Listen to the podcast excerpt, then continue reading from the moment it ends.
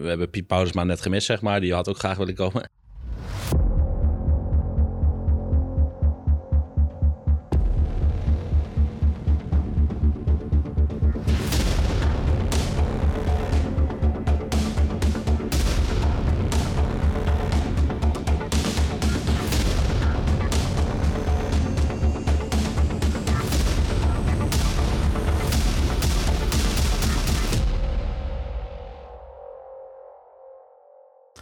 Welkom bij Scarepot, Nederlands eerste scare- en Halloween podcast. Ik zit hier vandaag samen met Ruben Jansen. Gezellig. Voordat we beginnen met deze aflevering heb ik eerst nog een paar kleine items. Let op het ogenblik op scarezone.nl voor het laatste nieuws over de scare- en Halloween-industrie. Praat met ons mee op de Discord-server. Je vindt de informatie in de show notes.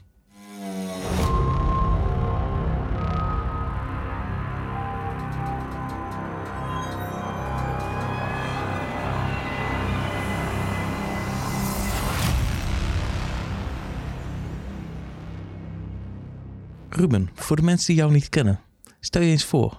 Poeh, lastig. Mensen die mij niet kennen, zijn er al heel weinig, denk ik. Maar ehm, eh, ja, stel jezelf eens voor. Ik eh, doe al sinds eh, 2012 eh, spookhuizen. ehm, allemaal op losse, unieke plekken.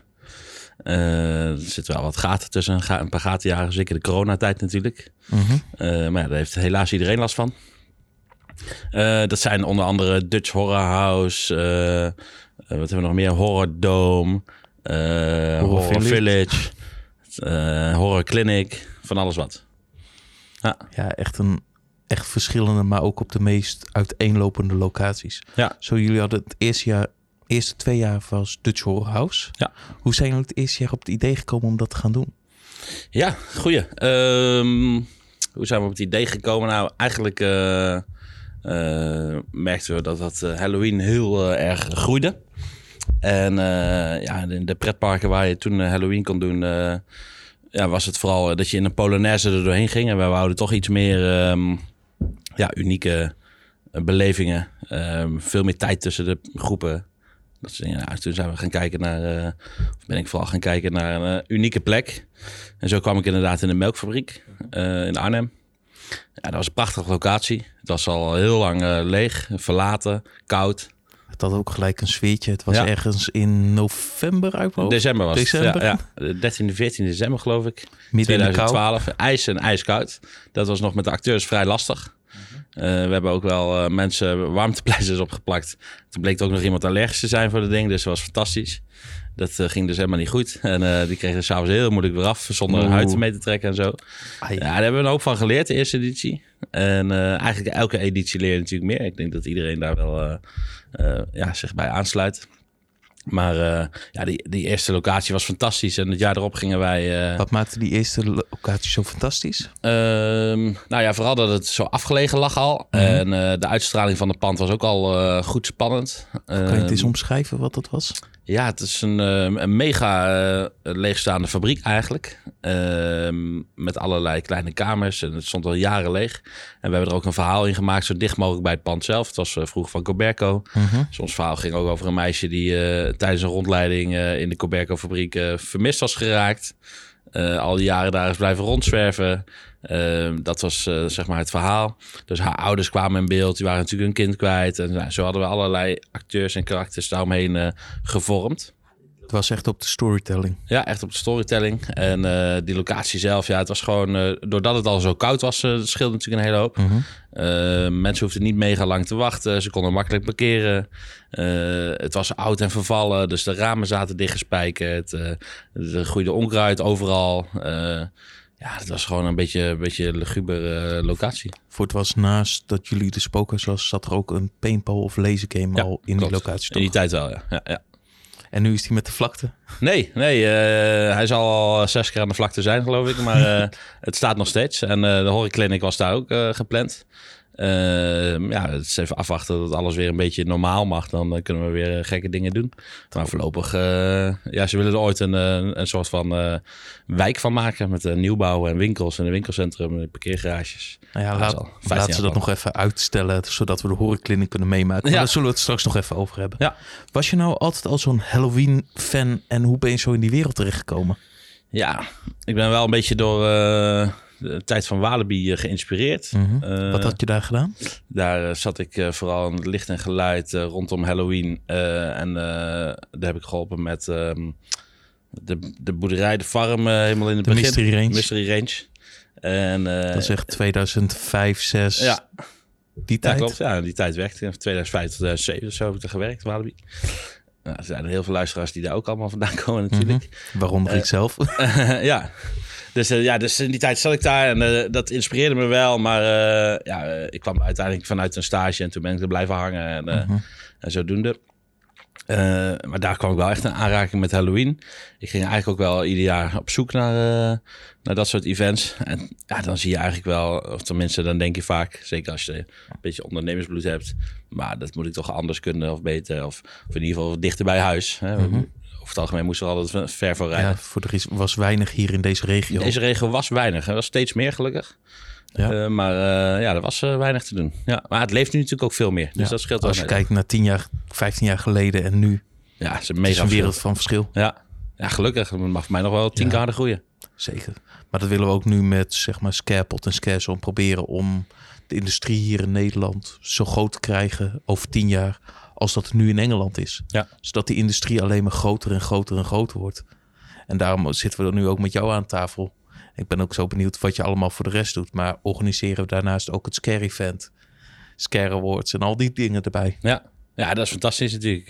Ik heb een Scare Event gestaan. Ja, was, was voor mij een hele leuke beleving. Sowieso leuk om uh, alle organisatoren en iedereen die ook maar iets betrokken is met, uh, met Halloween uh, daar mm. weer even te ontmoeten. Nou, uiteindelijk ken je bijna iedereen wel. Maar ja, de mensen uit het hoge noorden en het diepe zuiden eigenlijk niet. Nee. Het, het, het, gemiddelde hier in de, nou ja, Perry en al die jongens in een beetje in het midden, zeg maar. Jij en iedereen cool. die een beetje in het midden van het land zitten. Ja, die ken je eigenlijk wel. Maar ja. juist is het leuk om te zien wat, wat gebeurt er in Groningen, maar, maar wat gebeurt er ook in Limburg. Ja, en wat gebeurt er in Alphen. En wat... Ja, overal eigenlijk. Dus dat is, ik vond het een erg leuk event. Ja, het is jammer dat het dit jaar niet uh, door kon gaan. Zoals het nu uitziet, waarschijnlijk, daar hebben jullie hier bij een scoop. We zijn bezig om te kijken of we in 2022 weer een nieuw scare event kunnen ah, organiseren. Dat is super, super leuk. Maar we hadden het dan over, ja, je bent dan via licht en geluid zo in die wereld terechtgekomen. Had je ook al wat met Halloween? Of was het gewoon puur door je stage? Ja, toen kwam ik er wel meer mee in aanraking. Uh, ja, horrorfilms vind ik wel al, al heel mijn leven eigenlijk wel uh, leuk. Uh, mijn ouders hebben geen idee waar het vandaan komt, want die houden er allemaal niet van. Dus, uh, maar ja, ik vind het fantastisch. Alles wat, uh, wat je kan laten schrikken, laten schrikken, ja, dat is super. Mhm. Mm -hmm. Dus dat, de affiniteit was er eigenlijk altijd. uiteindelijk kijk ik er ook een beetje commercieel naar natuurlijk. Maar ehm, ja, ik had zeker wel affiniteit met, met gewoon met horror. En toen de stap gemaakt naar je eigen evenement. Ja. We hadden het net al over de Dutch Horror House in de fabriek. Maar je hebt ook in een ondergronds gangenstelsel gezeten. Je hebt op de Korenmarkt gezeten hier Ja. in Arnhem. Kan je zo voor al die drie edities wat vertellen? Hoe ben je daar terecht gekomen? Wat was je... Ja, nou, de Idee. eerste editie was wel de meest spannende, want uh, toen zat en werkte ik ergens gewoon in loondienst en uh, mijn hele budget was 500 euro. Dus daar heb ik de hele fabriek mee aangekleed en dat is aardig gelukt. Dus allemaal leuke barterdeals gemaakt en... Uh, Wat is een barterdeal voor mensen die het niet kennen? een barterdeal is eigenlijk dat je kaartjes ruilt tegenover spullen of, of um, ja, voor materiaal of diensten of uh, iets in die richting. Uh, we hebben het eigenlijk nooit uh, geruild tegen geld, maar echt altijd voor een wederdienst. Ja, of, of iets te lenen. En ja, dat was wel het eerste, maar zeker ook het tweede jaar ons goed doorheen heeft gedraaid. Want ja, we hadden, nou ja, wat zei ik, de eerste editie 500 euro. Dat is natuurlijk eigenlijk niks. Nee. Zeker niet voor zo'n evenement. Maar de locatie was al goud. De acteurs waren super. Dat scheelde natuurlijk een hele hoop. En daarnaast uh, uh, konden we een hele hoop uh, materiaal vanuit daar gebruiken. Er was nog wel heel veel rommel blijven liggen. Dus dat scheelde ook. Dat maakt het een heel stuk makkelijker. Ja, ja de tweede editie, uh, we merkten bij de eerste editie dat er zoveel vraag naar was. Mm -hmm. Wij konden eigenlijk in onze tij tijdsloten niet uh, iedereen bedienen die had willen komen. Nee. En uh, ik had nog wel drie weekenden kunnen vullen daarna. Dus toen hebben we wel bedacht om het jaar erop meer dagen te doen. En toen zijn jullie ook in het Halloween seizoen gaan zitten, toch? Toen zijn we wel in het Halloween seizoen uh, gaan zitten. Uh, ja, want toen draaiden wij zeg maar, uh, even kijken, op Halloween, de 31ste. Uh, en het weekend ervoor en het weekend erna, de 31ste viel in dat jaar op de donderdag. Mm -hmm. Toen kregen wij ook Editionel uh, op bezoek. Ja? Ja, en daarna, eh, nadat we op televisie waren geweest, eh, was het gewoon het hele evenement uitverkocht. Hoe heb je dat voor elkaar gekregen om zoiets als een Editie NL daar op bezoek te krijgen? Ja, nou ja, eh, sowieso was het voordeel dat er toen nog weinig was. Dat was in 2013, ja. 2013. Dat was het grootste voordeel, want ze waren op zoek naar iets unieks. En eh, de pretparken hadden ze eigenlijk ieder jaar al een podium gegeven. En ze Ja. zochten nou iets nieuws. Dus eh, we werden echt benaderd door allerlei zenders. Ehm, we hebben Piet Paulusma net gemist, zeg maar. Die had ook graag willen komen. Maar eh editioneel, ja, primetime was voor ons natuurlijk super interessant. En ze wouden echt een leuk item eh, maken. Is ook super leuk geworden. Ik kan hem nog wel vinden op YouTube. Ehm, ja, en, het was eigenlijk een vrij makkelijke onderhandeling. Eh, ja, ze wouden overdag komen filmen en s'avonds uitzenden. En om zes uur zaten wij, eh, gingen we eigenlijk bijna open. En om acht uur eh, die avond waren we het hele weekend en het weekend erop uitverkocht. Dus dat was... Hoe heb je dat gemanaged toen? Ja, dat was eh, wel lastig. Eh, nou, we wisten wel dat we uh, vol is vol natuurlijk. Mhm. Alleen eh, het nadeel was dat het ook nog wel eens uitliep. Nou, dat is overal wel eens. Ja. Dus we hebben ook echt mensen buiten. we hadden een partner toen, er was nog JT bioscopen. ja, Volgens mij bestaat het niet meer, JT, maar... eh, dat is tegenwoordig allemaal view. View, ja. En die zat vlak naast ons. En op een gegeven moment begon het keihard te rekenen. Je zat regenen, in het centrum van Arnhem. in het centrum, ja. In, In- de stadskelders. En toen eh, begon het keihard te regenen. En toen eh, heeft de bioscoop eigenlijk allemaal paraplu's uit zitten delen. Dus dat was wel super. En mensen moesten echt lang wachten. Ja, en het voordeel daarvan was dat we naast de korrelmarkt zaten. Dus eh uitgaanspubliek. Iedereen zag ook die rijen. Mensen konden niet meer boeken. We kregen veel aanvragen nog. Ja, hier en daar hebben we toch af en toe nog wel wat extra mensen weer toegelaten. Dus Hoe heb je toen die locatie zo geregeld? Ehm, ja, eigenlijk gaan alle locaties gewoon op huur. Daar is vrij weinig aan het onderhandelen meestal. Eh, ik moet wel zeggen dat sinds wij een bepaald eh, vaste doelgroep hebben, dat de locaties wel makkelijker te regelen zijn. Omdat je net wat makkelijker eh, je deal en onderhandeling kan maken. Voor je hebt heel wat unieke plekken gezeten. Voor je hebt dan Ja. in die stadskelder gezeten, maar je hebt ook in een oude gevangenis hier Ja. in Arnhem gezeten. Ja. Je hebt dan in die fabriek gezeten. Ja, Nog ergens boven op koren- eh, ja, en nog boven de korenmarkt boven inderdaad. de korenmarkt. Ook nog, ja, we hebben wel leuke, unieke plekken gehad. En de ene plek was weer eh, unieker dan de andere, maar ook weer moeilijker. Eh, moeilijker qua aankleding, eh, moeilijker qua inrichting. Maar ook moeilijker voor, voor, ja, voor de crowdmanagement, zeg maar. Dat Wat was je grootste uitdaging? ja, dat was wel op de korrelmarkt, want daar moest iedereen via één trap, drie hoog. En ook naar boven en naar beneden. Dus met lastige bezoekers, waar we helaas ook allemaal wel eens last van hebben, eh, was dat vrij lastig om die eh, makkelijk eh, eruit te werken. Hoe ging je dan om met zo'n lastige bezoeker? Ja, overdwars naar beneden. Maar het lastige was dat de hele trap vol stond. Met Dus, mensen die nog het die nog spookhuis het spookhuis ingingen. Ja, dus dat, die was echt, was echt de moeilijkste locatie. Dat was dat vond de een gemeente eigenlijk ook. Dat was een oude lasergame. Dat was een oude lasergame ruimte vroeger, ja. Ja, helaas hadden ze die al helemaal gestript voordat wij erin kwamen. Ah, dat is jammer. Dus eh, we konden alle wanden eigenlijk weer precies hetzelfde neerzetten als dat het ooit heeft gestaan. Mhm. Maar eh, daardoor hadden we wel alle vrijheid om het goed in te delen. Ja, Dat is wel fijn. ja en eh, het jaar erop zaten we inderdaad in de gevangenis. Dat was ook een prachtige locatie. Ehm, en daar moesten we ook wel weer alles goed thematiseren en goed opbouwen om te zorgen dat het ja, goed Overkwam. overkwam. En dat was ook wel lastig eh, aan de hand van de thema's. Ehm, Voor toen had je echt filmthema's gekozen. we hadden drie filmthema's, omdat wij eh samenwerkten met Pathé. Dat doen we eigenlijk ieder jaar eh, wel. Ehm, het voordeel daarvan is dat wij eh, al onze marketing eh, in de bioscoop kunnen doen rondom ehm, eh, Halloween films, horrorfilms. Dus dat eh, houdt eigenlijk in dat wij een, eh, ook weer een soort van barterdeal eh, maken. Dat ehm, onze acteurs daar eh, eh, een avond komen promoten tijdens een première. In de stijl Ja. van de film die op dat moment première gaat. En dat wij er dan mogen flyeren eh, ondertussen. Ja, dat geeft voor de, voor de bioscoop een superleuke beleving. Ja. Het geeft voor ons een super goede marketing bij de juiste doelgroep. Want iedereen die naar een horrorfilm gaat, vindt over het algemeen een spookhuisbezoek ook wel erg leuk. Ja. Dus, dus het waren filmthema's. Het was Chucky hebben we daar gedaan. Toen kwam de nieuwe Soul uit. Die hebben we daar gedaan. En we hebben eh Pennywise eh, It gedaan. En dat was eigenlijk wel de mooiste ruimte. Ja. Die was, wat ik me nog kan herinneren, die was aangekleed met een bos, met een bospad Ja. en een watertje waar je overheen ging. Ja, ja Riool. riooltje. Ja, ja die was wel, eh, die was wel gaaf. Dat was Wat- echt wel een fijne, fijne plek. Maar wat ik me nog goed kan herinneren van die edities, de It en Pennywise, dat zag er echt super tof uit. De andere waren meer met bouwhekken, Ja. eh, ehm, caravans, dat soort Ja. dingen. Hoe lang heb je toen de tijd gehad om bijvoorbeeld op te bouwen? Ja, kort. Ehm, ik geloof dat wij eh, dat spookhuis binnen drie weken hebben opgezet. Ehm, en het nadeel was dat drie dagen van tevoren de brandweer controle kwam doen. En terecht, en dat moet je ook wel doen. Maar eh, de brandweer plus de gemeente.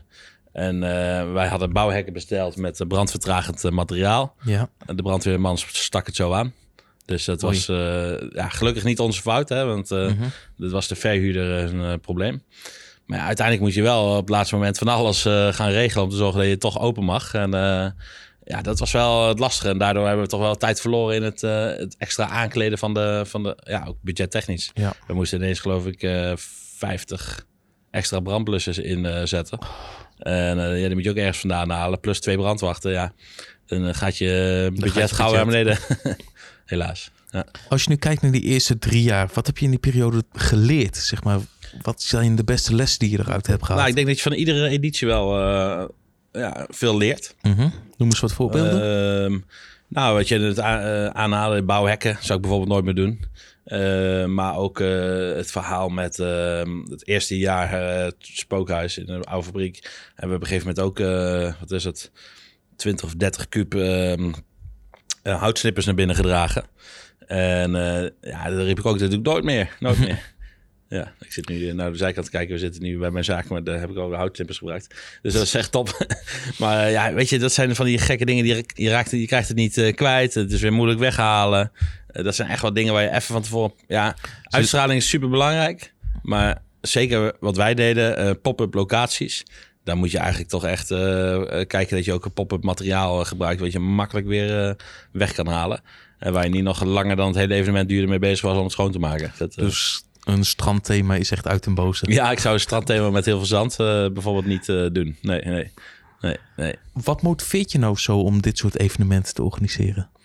Ja, nou dat is een goede vraag. Ik vind de hele beleving eromheen met alle acteurs en, eh, en het team waar ik eigenlijk al jaren een beetje met de vaste mensen werk.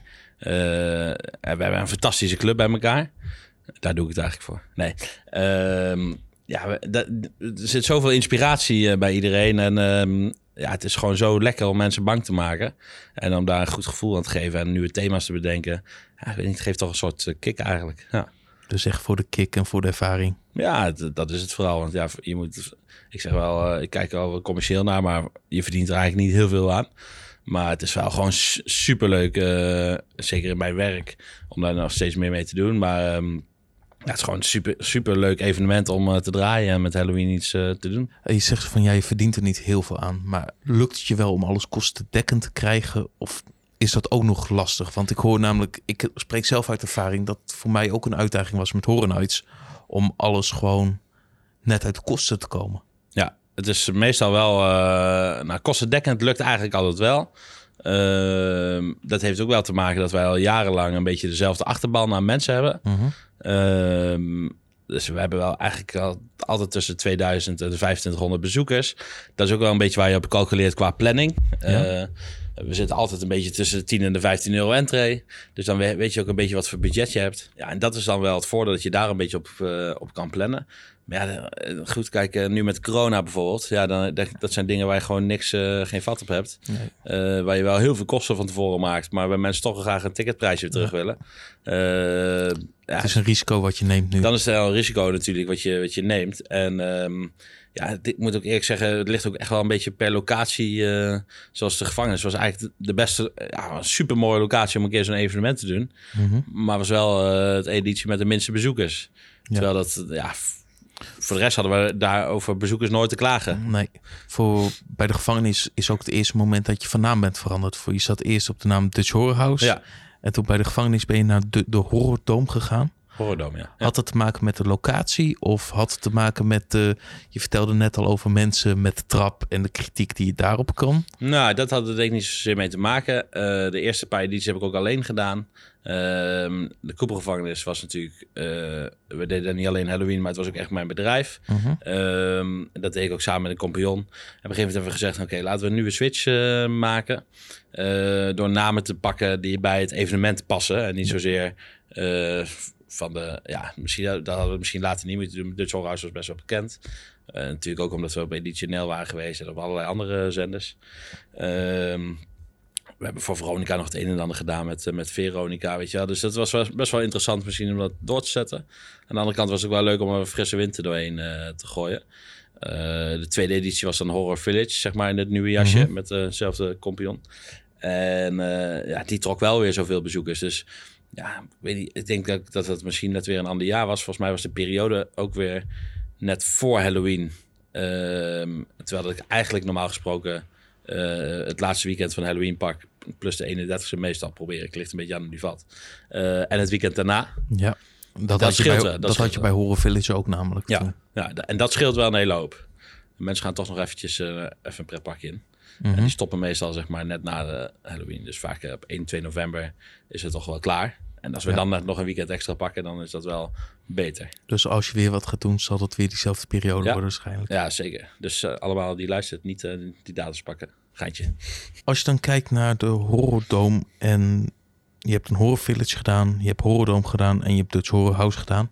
Hoe verhouden die jaren zich met elkaar voor? Het was allemaal een compleet andere insteek. Ja, Het eerste jaar was dan vooral storyline driven. Het tweede jaar heb ik zelf helaas nooit bezocht. Ik hoorde wel echt hele goede verhalen over van iedereen. ja, Vooral dat je ook acteurs met ratten en met dat soort dingen. ja. had. Nou, dat was eh, bij de tweede editie was wel fantastisch eigenlijk. Eh, we hadden nou, die stadskelders en die hadden natuurlijk een geschiedenis. Dus waar ik in het begin eigenlijk mee eh, ben begonnen is eh, een verhaal te vertellen dat zo dicht mogelijk bij de locatie past. Daar ben ik nog steeds van mening dat dat de beste manier is om te doen. En dat doe ik ook nog steeds dagelijks in mijn werk. Eh, Ik bouw dan escape rooms en zo. Ja, en als ik in een gevangenis een escape room moet bouwen, dan ga ik niet over een kaashandel beginnen of zo. Dus, Nee. dus ik vind het wel belangrijk dat het altijd zo dicht mogelijk bij de, ehm, ja, bij de locatie past. En die kelders, ja, die stamden al uit de 14e eeuw. Ja, dat is natuurlijk fantastisch om daarin terug te gaan. Toen was natuurlijk eh, de pest eh, er. Nou, en bij pest hoort ratten. Eh, daar was niet iedereen het mee eens. Maar wij vonden het fantastisch dat er veel ratten waren. Ehm, het zijn ook niet mijn favoriete beestjes. Maar ja, kijk, voor, je, voor je uitstraling is het super. En wij hadden een aantal bakken gemaakt waar de ratten in konden. Met, met heel mooi glas erin. En omdat wij het licht op een bepaalde manier lieten knipperen, zag je eigenlijk niet dat het glas ertussen zat. Dus we hadden ook nog een aantal spons in de vorm van een rat geknipt. Die lagen dan tussen het stro waar de mensen moesten kruipen. En dan knipperde het licht nog. Dus het was een fantastische plek. Het enige nadeel dat we de volgende dag eh, natuurlijk eh, volop in de aandacht waren van alle dierenbescherming en eh, de Partij van de Dieren. Die kwamen verhaal halen, die wouden ons eigenlijk sluiten. Omdat je eerst al aandacht had gehad van editie NL en toen nog eens een keer dat Ja, eroverheen. ja, dat was wel een nadeel. Die wou ook een punt maken. Die, zijn, die hebben we ook uitgenodigd. We hebben gezegd, nou, kom maar kijken. Waarom denk je dat het slecht is? Nou ja, de ratten kwamen iedere dag eh, opnieuw naar onze locatie. Ze waren van een eh, meisje die ik nog ken van mijn eh, vorige school, vroeger, Mhm. van de middelbare school. En die had heel veel ratten. En die heeft ze gewoon elke keer netjes weer mee naar huis genomen. de volgende dag weer teruggebracht. En ja, die had, die had hele mooie zwarte ratten, maar ook een hele vieze naaktrat. En ja, het paste gewoon perfect in het plaatje wat wij daar neer wouden zetten. En eh, ja, ze zijn wezen kijken en ze konden niks geks vinden. We hadden hele mooie bakken gemaakt waar eh eh de Helemaal urine zo wegliep. en dat je in een laadje kwam en konden het laadje schoonmaken. Nou, eigenlijk waren het veel mooier rokken dan waar ze soms thuis zitten. Dus ja, uiteindelijk vonden ze... Maar ja, dat publiceert helaas natuurlijk niemand. Nee, Maar ze, uiteindelijk vonden ze het prima. En, eh, het was gewoon een storm in een glas water. Ja, helaas wel. Maar ach, weet je, elke aandacht is er. Dus laten we het... Is het ook een beetje je motto? Of? Nou, dat niet per se. Maar ja, kijk, eh, eh, ik zou niet zo snel nu weer iets met dieren doen, denk ik. Het ligt een beetje aan het thema. Maar eh, ja, kijk, voor de dingen die ik denk dat er aan gaan komen... Ja, dan zitten de thema's al heel anders. Dus, dus dan komen we daar ook niet echt meer in de buurt. Waar denk je ongeveer aan? Ehm, ja, Daar ga ik eigenlijk nog niks over zeggen. Maar uh, ja, ik krijg uit mijn, vanuit mijn werk ook best wel veel uh, dikke locaties aangeboden. Mm -hmm. nou, de Cooper was er een van. Die heb natuurlijk 3,5 jaar gehad. Um, die melkfabriek dat kwam ook uit mijn uh, verleden via werk ook weer terecht. Dus, dus, ja, er zijn best wel wat leuke dingen die er die op het pad kruisen. Maar ja, voor mij valt er staat op dit, in, het begin van corona was ik nog heel erg wel aan het investeren en aan het doen van nou, pakken nog wel wat. Ik ben toch nu wat meer wat voorzichtiger mee geworden. Eerst maar even afwachten wat ik, uh, hoe het allemaal gaat. Afwachten wat we horen en hoe we Halloween gaan doen. Ja, op, het moment, op het moment is er zo'n tweestrijd gaande. Er zijn evenementen die zeggen: hey, je mag naar binnen met test voor toegang, geen anderhalve meter. Ja. Er zijn evenementen die zeggen: nou prima, het kan op anderhalve meter. Ja. Wat denk jij dat op dit moment voor dit jaar de way to go is? Uh, nou, ik ben heel erg voorstander voor geen anderhalve meter en geen testen voor toegang. En ook geen vaccinaties. Dus uh, weet iedereen daarin mijn standpunt. Maar um, ja, ik, ik, zonder ander, of met een anderhalve meter is het denk ik heel moeilijk om je gasten te laten schikken. -huh. uh, zonder die anderhalve meter zit je inderdaad juridisch gezien gewoon aan het testen voor toegang. Het enige nadeel is dat je commerciële bereik daar veel en veel lager dan wordt. Ja. ja, zeker de, de doelgroep en de leeftijdscategorie uh, waar wij allemaal in werken, ja, die, die uh, hebben er toch een hele eigen mening over. Over het hele beleid. En ja, dat is ook wel de reden waarvan ik denk, ja, laten we het nog wel eventjes uitstellen. Even wachten uh, tot even weer, wachten weer normaal tot, is. Ja, de zomervakantie is net afgelopen. Laten we kijken wat het nu gaat, gaat veranderen aan alle regels. de nieuwe persconferenties het hele Formule 1 eh, verhaal. Dat, is, dat weegt natuurlijk ook wel al die artiesten die nu opstaan. Dat, het gaat ook wel wat doen voor de evenementenbranche. En daar hebben we gewoon mee te maken. Het is alleen net een kort dag voor eh, ons Halloween. Dus als zeggen ze volgende week van... hey, het mag weer, het kan weer... dan zou je dit jaar waarschijnlijk nog overslaan. Ja, ja ik denk, eh, denk het wel. Ja, bij mij komt het altijd maar soms ineens op een pad. maar uh, nee, ik, ik denk dat ik ga joinen ergens bij iemand die wel wat organiseert. Eh, een paar jaar geleden heb ik dit ook gedaan. Dat vind ik ook super leuk, super relaxed. Je leert wel andere mensen kennen. Ehm, ja, ik denk op die Andere manier van werken. Ja, manier van werken, manier van organisatie, manier van omgang met de acteurs. Voor dat zie je al het hele verschil tussen hoe jij het doet, hoe bijvoorbeeld een Perry het doet, hoe ja. Koen het doet, hoe ik het vroeg met Horenice doet. Iedereen had daar zijn eigen, zijn eigen insteek en zijn eigen stempel eigenlijk op. Ja, en eigenlijk is het heel leuk om uh, uh, ja, een keer bij iemand anders te joinen. En eigenlijk moet iemand anders het ook een keer bij mij doen. Nou, zo doet, als iedereen dat een keer bij elkaar doet, ik denk dat je heel veel van elkaar leert. Nu is er al een vrij hecht clubje ontstaan natuurlijk, over mhm. wie wel veel met elkaar communiceert daarover. Maar uh, ja, ik doe ook wel uh, een paar dagen helpen in Groningen bij wijze van spreken. Of uh, in Zuid-Limburg. Maakt mij niet uit. Maar het lijkt me super leuk om... bij Halloween Groningen of bij de Villains. Ja, ik heb nog heel veel uh, requisieten. Maar dus als jou zoiets hebt van... hey, kom eens een keer langs... moeten ze gewoon contact met je opnemen? Ja, zeker. Uh, als mensen nog eh, echt uh, leuke aansturing of crew tekort komen... dan kunnen ze me altijd bellen. De meesten hebben mijn nummer wel. Ah, top. Heel even weer terug naar Horror Dome en ja. Dutch Horror House. Als je nou kijkt naar alle edities... op welke ben je het meest trots? Uh, tja, ik vond er zijn eigenlijk meerdere waar ik trots op ben op een andere, om een andere reden. Mhm. Eh, de eerste editie uh, gewoon uh, vond ik goud. Dat we met zo weinig geld ehm, en vooral veel heel weinig bekendheid. Want mensen waren nog helemaal niet in 2012 echt mega nieuwsgierig naar Halloween of spookhuizen buiten pretparken. Mm vind ik die eerste editie zeer en zeer geslaagd. Dat is ook wel echt een van de tofste locaties eigenlijk die ik heb gehad. Maar puur omdat het al spannend was.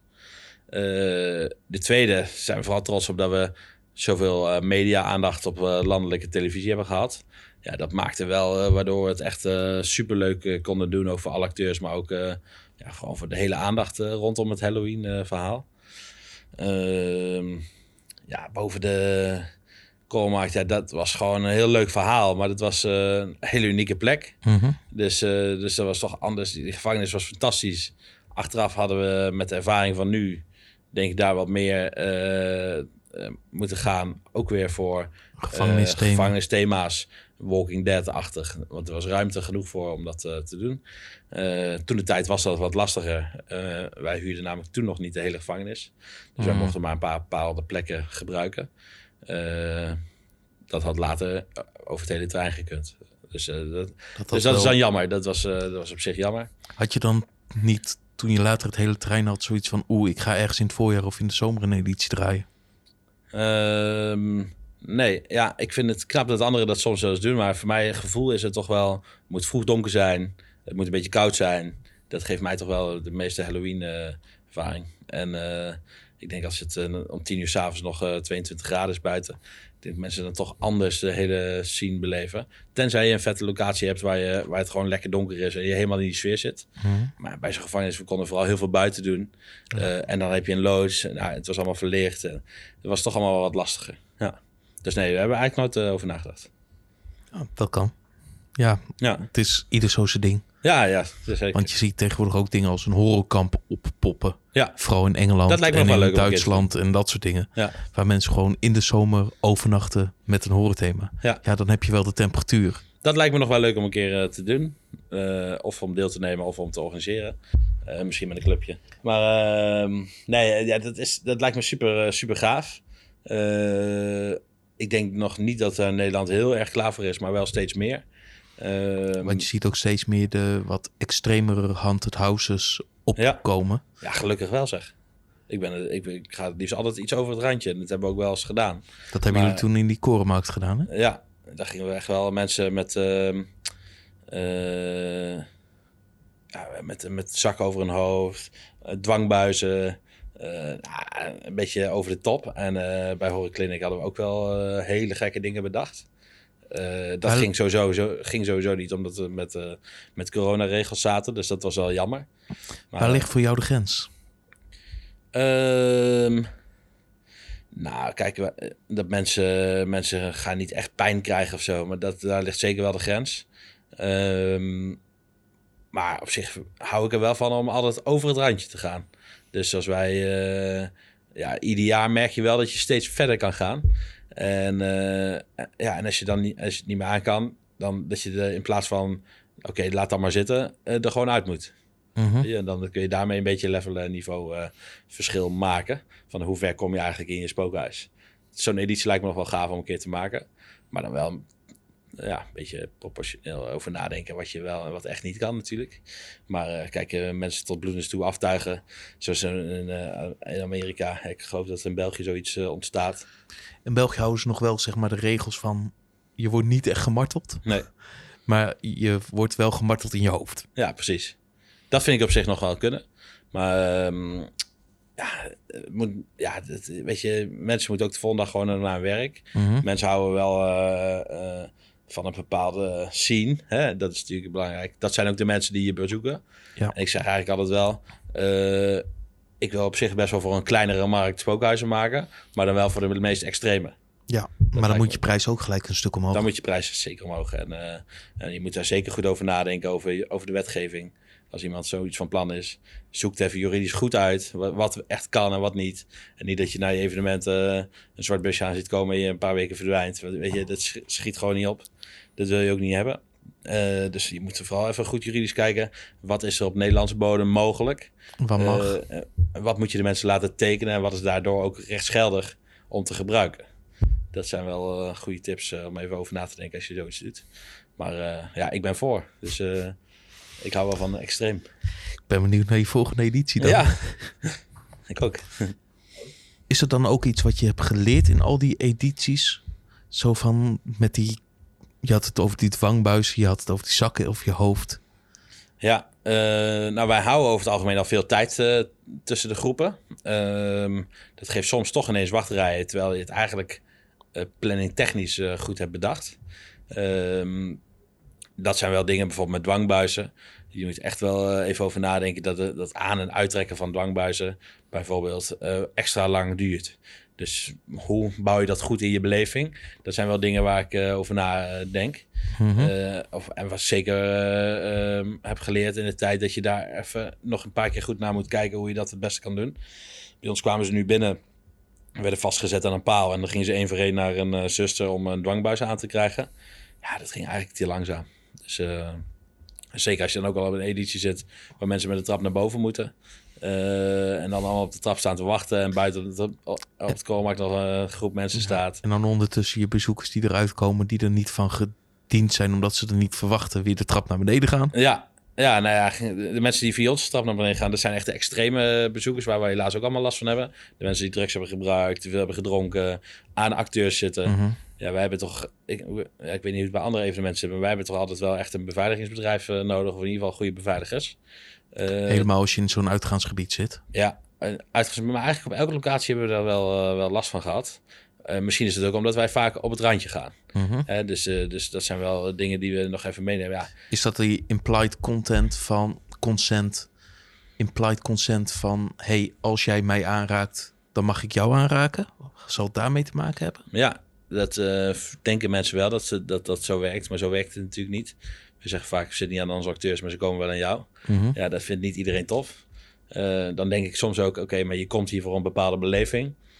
Eh, als je dat niet aan kan, psychisch, dan moet je hier niet wezen. Ehm, ja, wij, gaan, wij voeren het liefst ook geen mensen af die, eh, die wel een ticket gekocht hebben. Weet je wel? Dus, eh, dus we gaan echt wel in gesprek.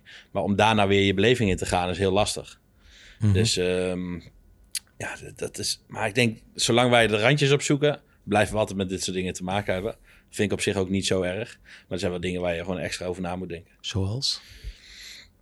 Nou ja, eh, nou, vooral eh, beveiligingsdingetjes. Eh, hoe, op wat voor locatie zit je? Hoe snel kan daar een ambulance, een politie of iemand naar buiten gestuurd worden zonder er te veel rommel van te krijgen? En dat was in de fabriek ja, prima, want daar hadden we altijd een dubbele rij zeg maar, rondom de kamers. Daar was het prima te doen. Dat was in de gevangenis ook prima te doen. Maar in de kelders was dat bijvoorbeeld niet te doen. Eh, het lastige van de kelders was nog dat wij eh, in onze onderhandelingen van de locatie en in de repetitieweken nog via een andere deur naar buiten mochten. Wat later ineens weer teruggedraaid, waardoor je in de laatste kamer toch weer langs de andere mensen moest. Om vervolgens eruit te gaan. Nou, dat is gewoon niet te Dat is plannen. jammer. Want eh, ja, de mensen gaan naar binnen en ze gaan weer naar buiten. Ja, en dan... dus ik kan nooit precies uitzoeken hoe, dat, hoe wat dat moet.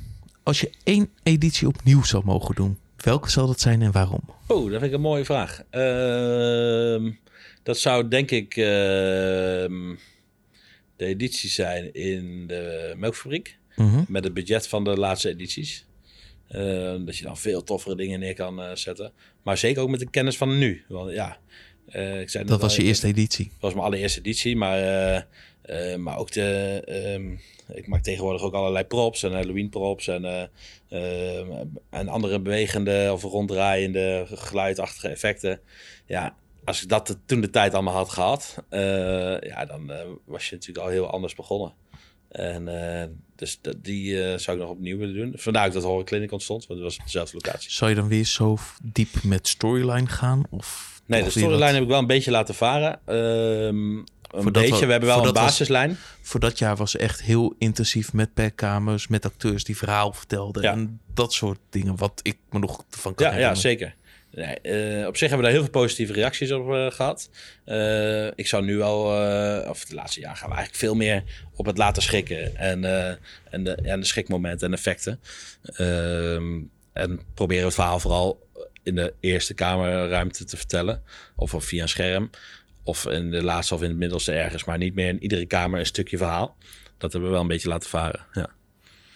En je hebt ook een heel ander soort acteurs nodig. Dat scheelt natuurlijk een hele hoop. Je hebt meer echte acteur-acteur nodig Ja. versus een character die een scare kan doen. Ja, ja. ja ik, ik denk dat je eh, over het algemeen eh, ehm, een echte scare actor eh, kan bijna iedereen leren. Mhm. Ehm, maar om mensen zeg maar doordringend aan te kijken en ook een mooi verhaal te vertellen, er zijn er maar weinig van die, eh, die dat echt goed kunnen. En ehm, ja, ik denk dat de meesten zichzelf daar wel eh, in eh, kunnen vinden wie dat dan echt goed doen. Maar ehm, jij ziet toch wel op, op sommige evenementen dezelfde mensen terugkomen, omdat ze juist goede mensen zijn. Ja. Dus ehm, en er zijn er maar heel weinig van. Dus ja, En die het ook leuk vinden om te doen. ja, en volgens mij kampt iedereen altijd met hetzelfde probleem, te weinig mensen. Dus ja, daar moet je gewoon eh, over nadenken dat je dan niet alleen maar mensen pakt die ook eh, echt een verhaal vertellen, maar ook juist een paar goede characters eh, Ja. pakken. En ik ben wel van mening dat we nu wat meer met techniek kunnen doen, waardoor niet per se alleen maar mensen ook nog moeten zijn, maar ook andere dingen kunnen gebeuren door middel van allerlei sensoren of in die richting. Effecten. Ja, effecten. Ja. Dat brengt me gelijk op het mooie bruggetje van waar ben je dan nu mee bezig allemaal? Ja, Of we zitten nu hier in een locatie van jou. ja klopt. Ehm, ik ben nu eh, vooral bezig met het ontwikkelen van belevingen. Dus eh, dat is eigenlijk van eh, escape room ehm, tot ja, real-life games, midget golfbanen, lasergame ruimtes. We richten en bouwen het allemaal. Ehm, ja, we zijn nu ook eh, veel gestart. eh, nou, dus op het vorige Scare Event ehm, stonden we met Halloween props.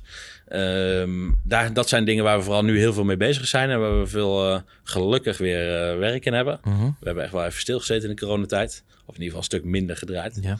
Gelukkig kunnen we weer gewoon normaal draaien. Ja, dat is eigenlijk wat we nu doen. Dus ja, we zitten nu vooral veel escape rooms te bouwen. En leuke props te maken voor, eh, voor Halloween eh, dingetjes. Maar ook, eh, ja, wel, es- we proberen toch eigenlijk wel... als we meerdere escape rooms op één locatie moeten bouwen... een beetje een Halloween tintje aan één kamer te kunnen geven. Ehm, Halloween bloed blijft kruipen waar het niet ja, gaat. absoluut. Dat zal... we proberen het altijd aan te bieden, maar het is niet voor iedere locatie geschikt. Waarom vinden ze dan meestal niks? Waarom denken ze zoiets van, nou, toch maar niet, geen Halloween Nou, kamer? ik denk dat wij eh, bouwen vooral voor eh, klanten, eh, opdrachtgevers die heel commercieel kijken. En dat moeten ze ook. Ik bedoel, escape room, een goede escape room bouwen is niet heel goedkoop. Dus je wil hem eigenlijk binnen een jaar, anderhalf jaar terugverdienen. Ja, dan moet je hem zo commercieel mogelijk proberen in te zetten. En dat is met zo'n breed mogelijk thema. Mhm. Dus wij bouwen vooral veel Netflix-thema's bijvoorbeeld. Of, of wat toegankelijker voor, voor, voor kinderen, families, gezinnen. En dan vooral op vakantieparken of... Op allerlei plekken. Family entertainment centers, vakantieparken, eh, pop-up eh, dingetjes voor beurzen. eh, ja, noem het eigenlijk maar op. Ja. Heb je ook wel eens zo'n vraag van zo iemand gehad van... hey, kom even Halloween bij ons doen? ja, zeker. Krijg je wel eens. En eh, we maken daar ook wel... eh, we zijn ook wel bezig met een plan om dat te kunnen doen op sommige plekken. Ehm, het lastige daarvan is, we kennen vaak de locatie maar heel kort. Ehm, ja, ik ben toch wel eh, van mening dat je, als je met Halloween wil draaien, begint toch wel in april, mei met goede brainstorm sessies. En dan begin je langzaam met ontwikkelen en bouwen. En eh, die tijd is er meestal niet op dit soort plekken. Dit is allemaal commercieel. Dan is het waarschijnlijk op sept- half september zeggen ze... oh, we willen volgende week willen Halloween Precies. draaien. Ja, ja, of over drie weken. Ja, dat is ook soms gewoon lastig. Kijk, eh, we zitten nu ook vol tot en met maart. We kunnen niet eventjes zoiets tussendoor doen. Ja, bedoel, eh, dan heb je een hele doos extra mensen nodig en die hebben we niet. Maar je hebt genoeg ideeën in je hoofd. Absoluut. Wat voor ideeën hebben nooit het daglicht gezien? Zo van, die kunnen ook niet uitgevoerd worden. Oh, nou, ik denk dat er heel veel dingen nog wel uitgevoerd gaan worden die nu op dit moment het daglicht nog niet kunnen zien. Maar waar de tijd later wel rijp voor is om te kunnen doen. Ehm, Maar waar moet een goed idee voor jou aan? Wat voor criteria moet het voldoen? Ehm, nou, als we het op Halloween eh, technisch gebied eh, kijken, ja, ik ben toch wel eh, van de mensen een beetje eh, een handicap eh, geven. Dus als ze ergens niet meer kunnen lopen, maar alleen kunnen rollen met een rolstoel. Of dat ze dichtgerit zitten. Helaas hebben onze vrienden van Walibi dat al een keer gedaan.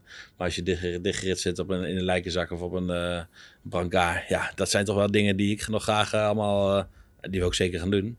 Ehm, zou uitvoeren op een eigen manier. Ehm, Echte grens opzoeken dus. Ja, we gaan sowieso eh, nog veel meer de grens opzoeken. Ik denk wel dat er in Nederland daar steeds meer klaar voor is. En dan- we hoeven maar een kleine niche van mensen te hebben die dat leuk vinden. Want ja, niet iedereen gaat extreem. Hè? Er zijn natuurlijk zat evenementen die het gewoon safe spelen. En gewoon een leuk evenement eh, neerzetten. En eh, waar helaas af en toe nog steeds boe geroepen wordt. Ja, dat Of doorlopen. of doorlopen, ja. En het Engels en het Nederlands en het Frans. Dus eh, ja, en dat- is jammer. Sommige evenementen zien er echt top uit, maar die ja, hebben dan net, eh, missen eigenlijk nog net een stukje organisatie. Ehm, nou, ik denk dat daar eh, wel eh, eh, een steentje bijgedragen wordt door dit soort scarepods, eh scarezone eh, eh, en alle andere dingen die er nu eh, ontstaan, zeg maar, om eh, te zorgen dat je een beetje kennis kan delen. Ik snap ook heel goed dat niet iedereen altijd zijn kennis wil delen. Nee. Dat is natuurlijk ook, eh, maar ja, ik weet een beetje de, de, de startersclub van de Halloween in Nederland. eh, waar jij ook onder valt en ik ook. En er nog een aantal eh, natuurlijk wat je net noemde, Koen en zo. Eh, die delen op zich allemaal graag hun informatie. En, en ik denk dat je daar prima mee een keer kan babbelen. Of, nou ja, dus Zeker. tijdens de scare-event is daar ook ge- gebruik van gemaakt. Ja. En ik denk dat dat soort evenementen heel belangrijk is voor deze industrie. Ja, klopt. Want door dat te doen zorg je er ook voor dat je geen fouten maakt die wij eigenlijk allemaal al tegen zijn gekomen. Ja. En zorg je met z'n allen dat het, de industrie groeit. Ja, zeker. Want wat er gebeurt is, stel één persoon organiseert een evenement en de bezoeker is dat zijn eerste evenement die heeft een slechte ervaring. Dat zorgt er ook voor dat je niet naar een ander event nog een keer gaat of het jaar erop daar naartoe. Nee. Dan krijg je gelijk zo'n aversie ertegen. Ja, zeker. En, en dat zou jammer zijn. Hè? Dit nieuwe doelgroep, die wordt iedere dag nog geboren. En dat ja, moeten toch eh, een leuke ervaring hebben. Dus eh, kijk, ik denk ook wel als mensen dan niet naar een pretpark gaan, waar soms ervaring ook minder is. Hè, laten we zeggen, er zijn, heel, er zijn nu pretparken die opstaan die beter zijn dan de pretpark die er als eerste mee begonnen is. Ehm, maar als je daar niet naartoe gaat, ja, dan kun je makkelijk voor dezelfde prijs eh, drie of vier andere evenementen bezoeken. eh, die zeker eh, net zo goed of nog beter zijn. En ik denk dat mensen dat echt veel meer moeten ontdekken om dat te kunnen doen. In plaats van in het veilige haventje te blijven van wat ze kennen. Ja, precies. En, of gewoon ja, een pretpark bezoeken omdat iedereen daar naartoe gaat. Ehm, ja, ik denk dat die, juist die pop-up evenementen, eh, Mhm. eh, die gaan veel meer op de beleving. Dus eh, die kijken veel minder commercieel naar het hele verhaal. waardoor je veel meer beleving krijgt voor, voor, voor veel minder geld. Ehm, maar waar je gewoon echt als bezoeker geëntertained wordt op het gebied van Halloween. En waar je niet in Polonaise door een spookhuis loopt. En dat is eigenlijk wel de betere ervaring. Ja, dat is tien keer betere ervaring. Wat zou je dan mensen mee willen geven die zoiets hebben van... hey, ik wil beginnen in de Halloween-industrie als organisator of als character. Wat zou je zo iemand mee willen geven? Eh, nou ja, zeker hou de groepen klein. Hè, probeer eh, niet de te grote groepen doorheen eh, te sturen. Zorg dat er tijd genoeg is om tussen de groepen te laten. Wij deden altijd een minuutje of drie, maar het ligt een beetje aan je eerste twee, drie ruimtes. Mhm. Als je bij de derde ruimte zit, kan er best wel weer een nieuwe groep doorheen. Bespreek het goed met je acteurs. Zorg dat de acteurs eh, niet te veel eh, eh, een storyline oplezen, maar wel echt inspelen op de mensen. Dat is, dat is echt super belangrijk. Je komt wel eens op een plek en dan lijkt het alsof ze nog steeds een blaadje voor hun neus hebben. En het precies voorlezen wat er ook alweer in hun script stond. Nou, dat moet je helemaal laten varen. Vertel de mensen wat je wil dat ze uitdragen. Zorg dat daar de juiste mensen staan. En zorg vooral dat het Geef ze de basis en laat ze improviseren. Precies, het improviseren is super belangrijk. En, en ook kijken wie je tegenspelers zijn. Of eh, ja, de sp- tegenspelers zijn dan in dit geval het publiek natuurlijk. Maar zijn het vier jonge meiden, ja, dan kun je heel anders op spelen dan vier van die grote gasten. Die eh, net als doen of ze nergens bang voor worden, maar vervolgens alleen achter die meiden aanlopen. En alleen maar je show loopt te irriteren. Ja, dan, dan moet je heel anders mee omgaan. En, eh, maar zeker net zo belangrijk. Mhm. Dankjewel. Waar kunnen mensen jou vinden als ze met jou in contact willen komen voor bijvoorbeeld een escape room of met je samen willen werken of meer Ja. informatie willen hebben? Ja, LinkedIn eh, natuurlijk kunnen ze mij altijd eh, vinden. Ruben Jansen en dan Leisure Games. Sowieso halloweenprops.nl. Laten we dat voor deze doelgroep in gang houden. Daar kun je altijd een mailtje naartoe sturen. Ehm, ook als je weinig budget hebt, vinden we gewoon super leuk om mee te denken naar wat we voor je kunnen doen of voor je evenement. Eh, daarin kunnen we vrij snel schakelen. We hebben ook echt gigantisch veel, zeker omdat we dit jaar weinig zelf doen, veel props en, eh, en gekke dingen. Dus eh, daar kunnen ze zeker even voor benaderen. Super, dankjewel. Ja, jij ook bedankt. En iedereen bedankt voor het luisteren naar deze Scarepot. Mocht je mee willen discussiëren, dan kan je naar onze Discord-server komen. Die kan je vinden via www.scarenetwork.nl. En mocht je binnenkort een Halloween-event bezoeken, dan ontvangen we graag een voice clip van je. Die kan je via WhatsApp naar ons toesturen op 06 47 648 666 of via scarepot.nl slash contact. Bedankt voor het luisteren.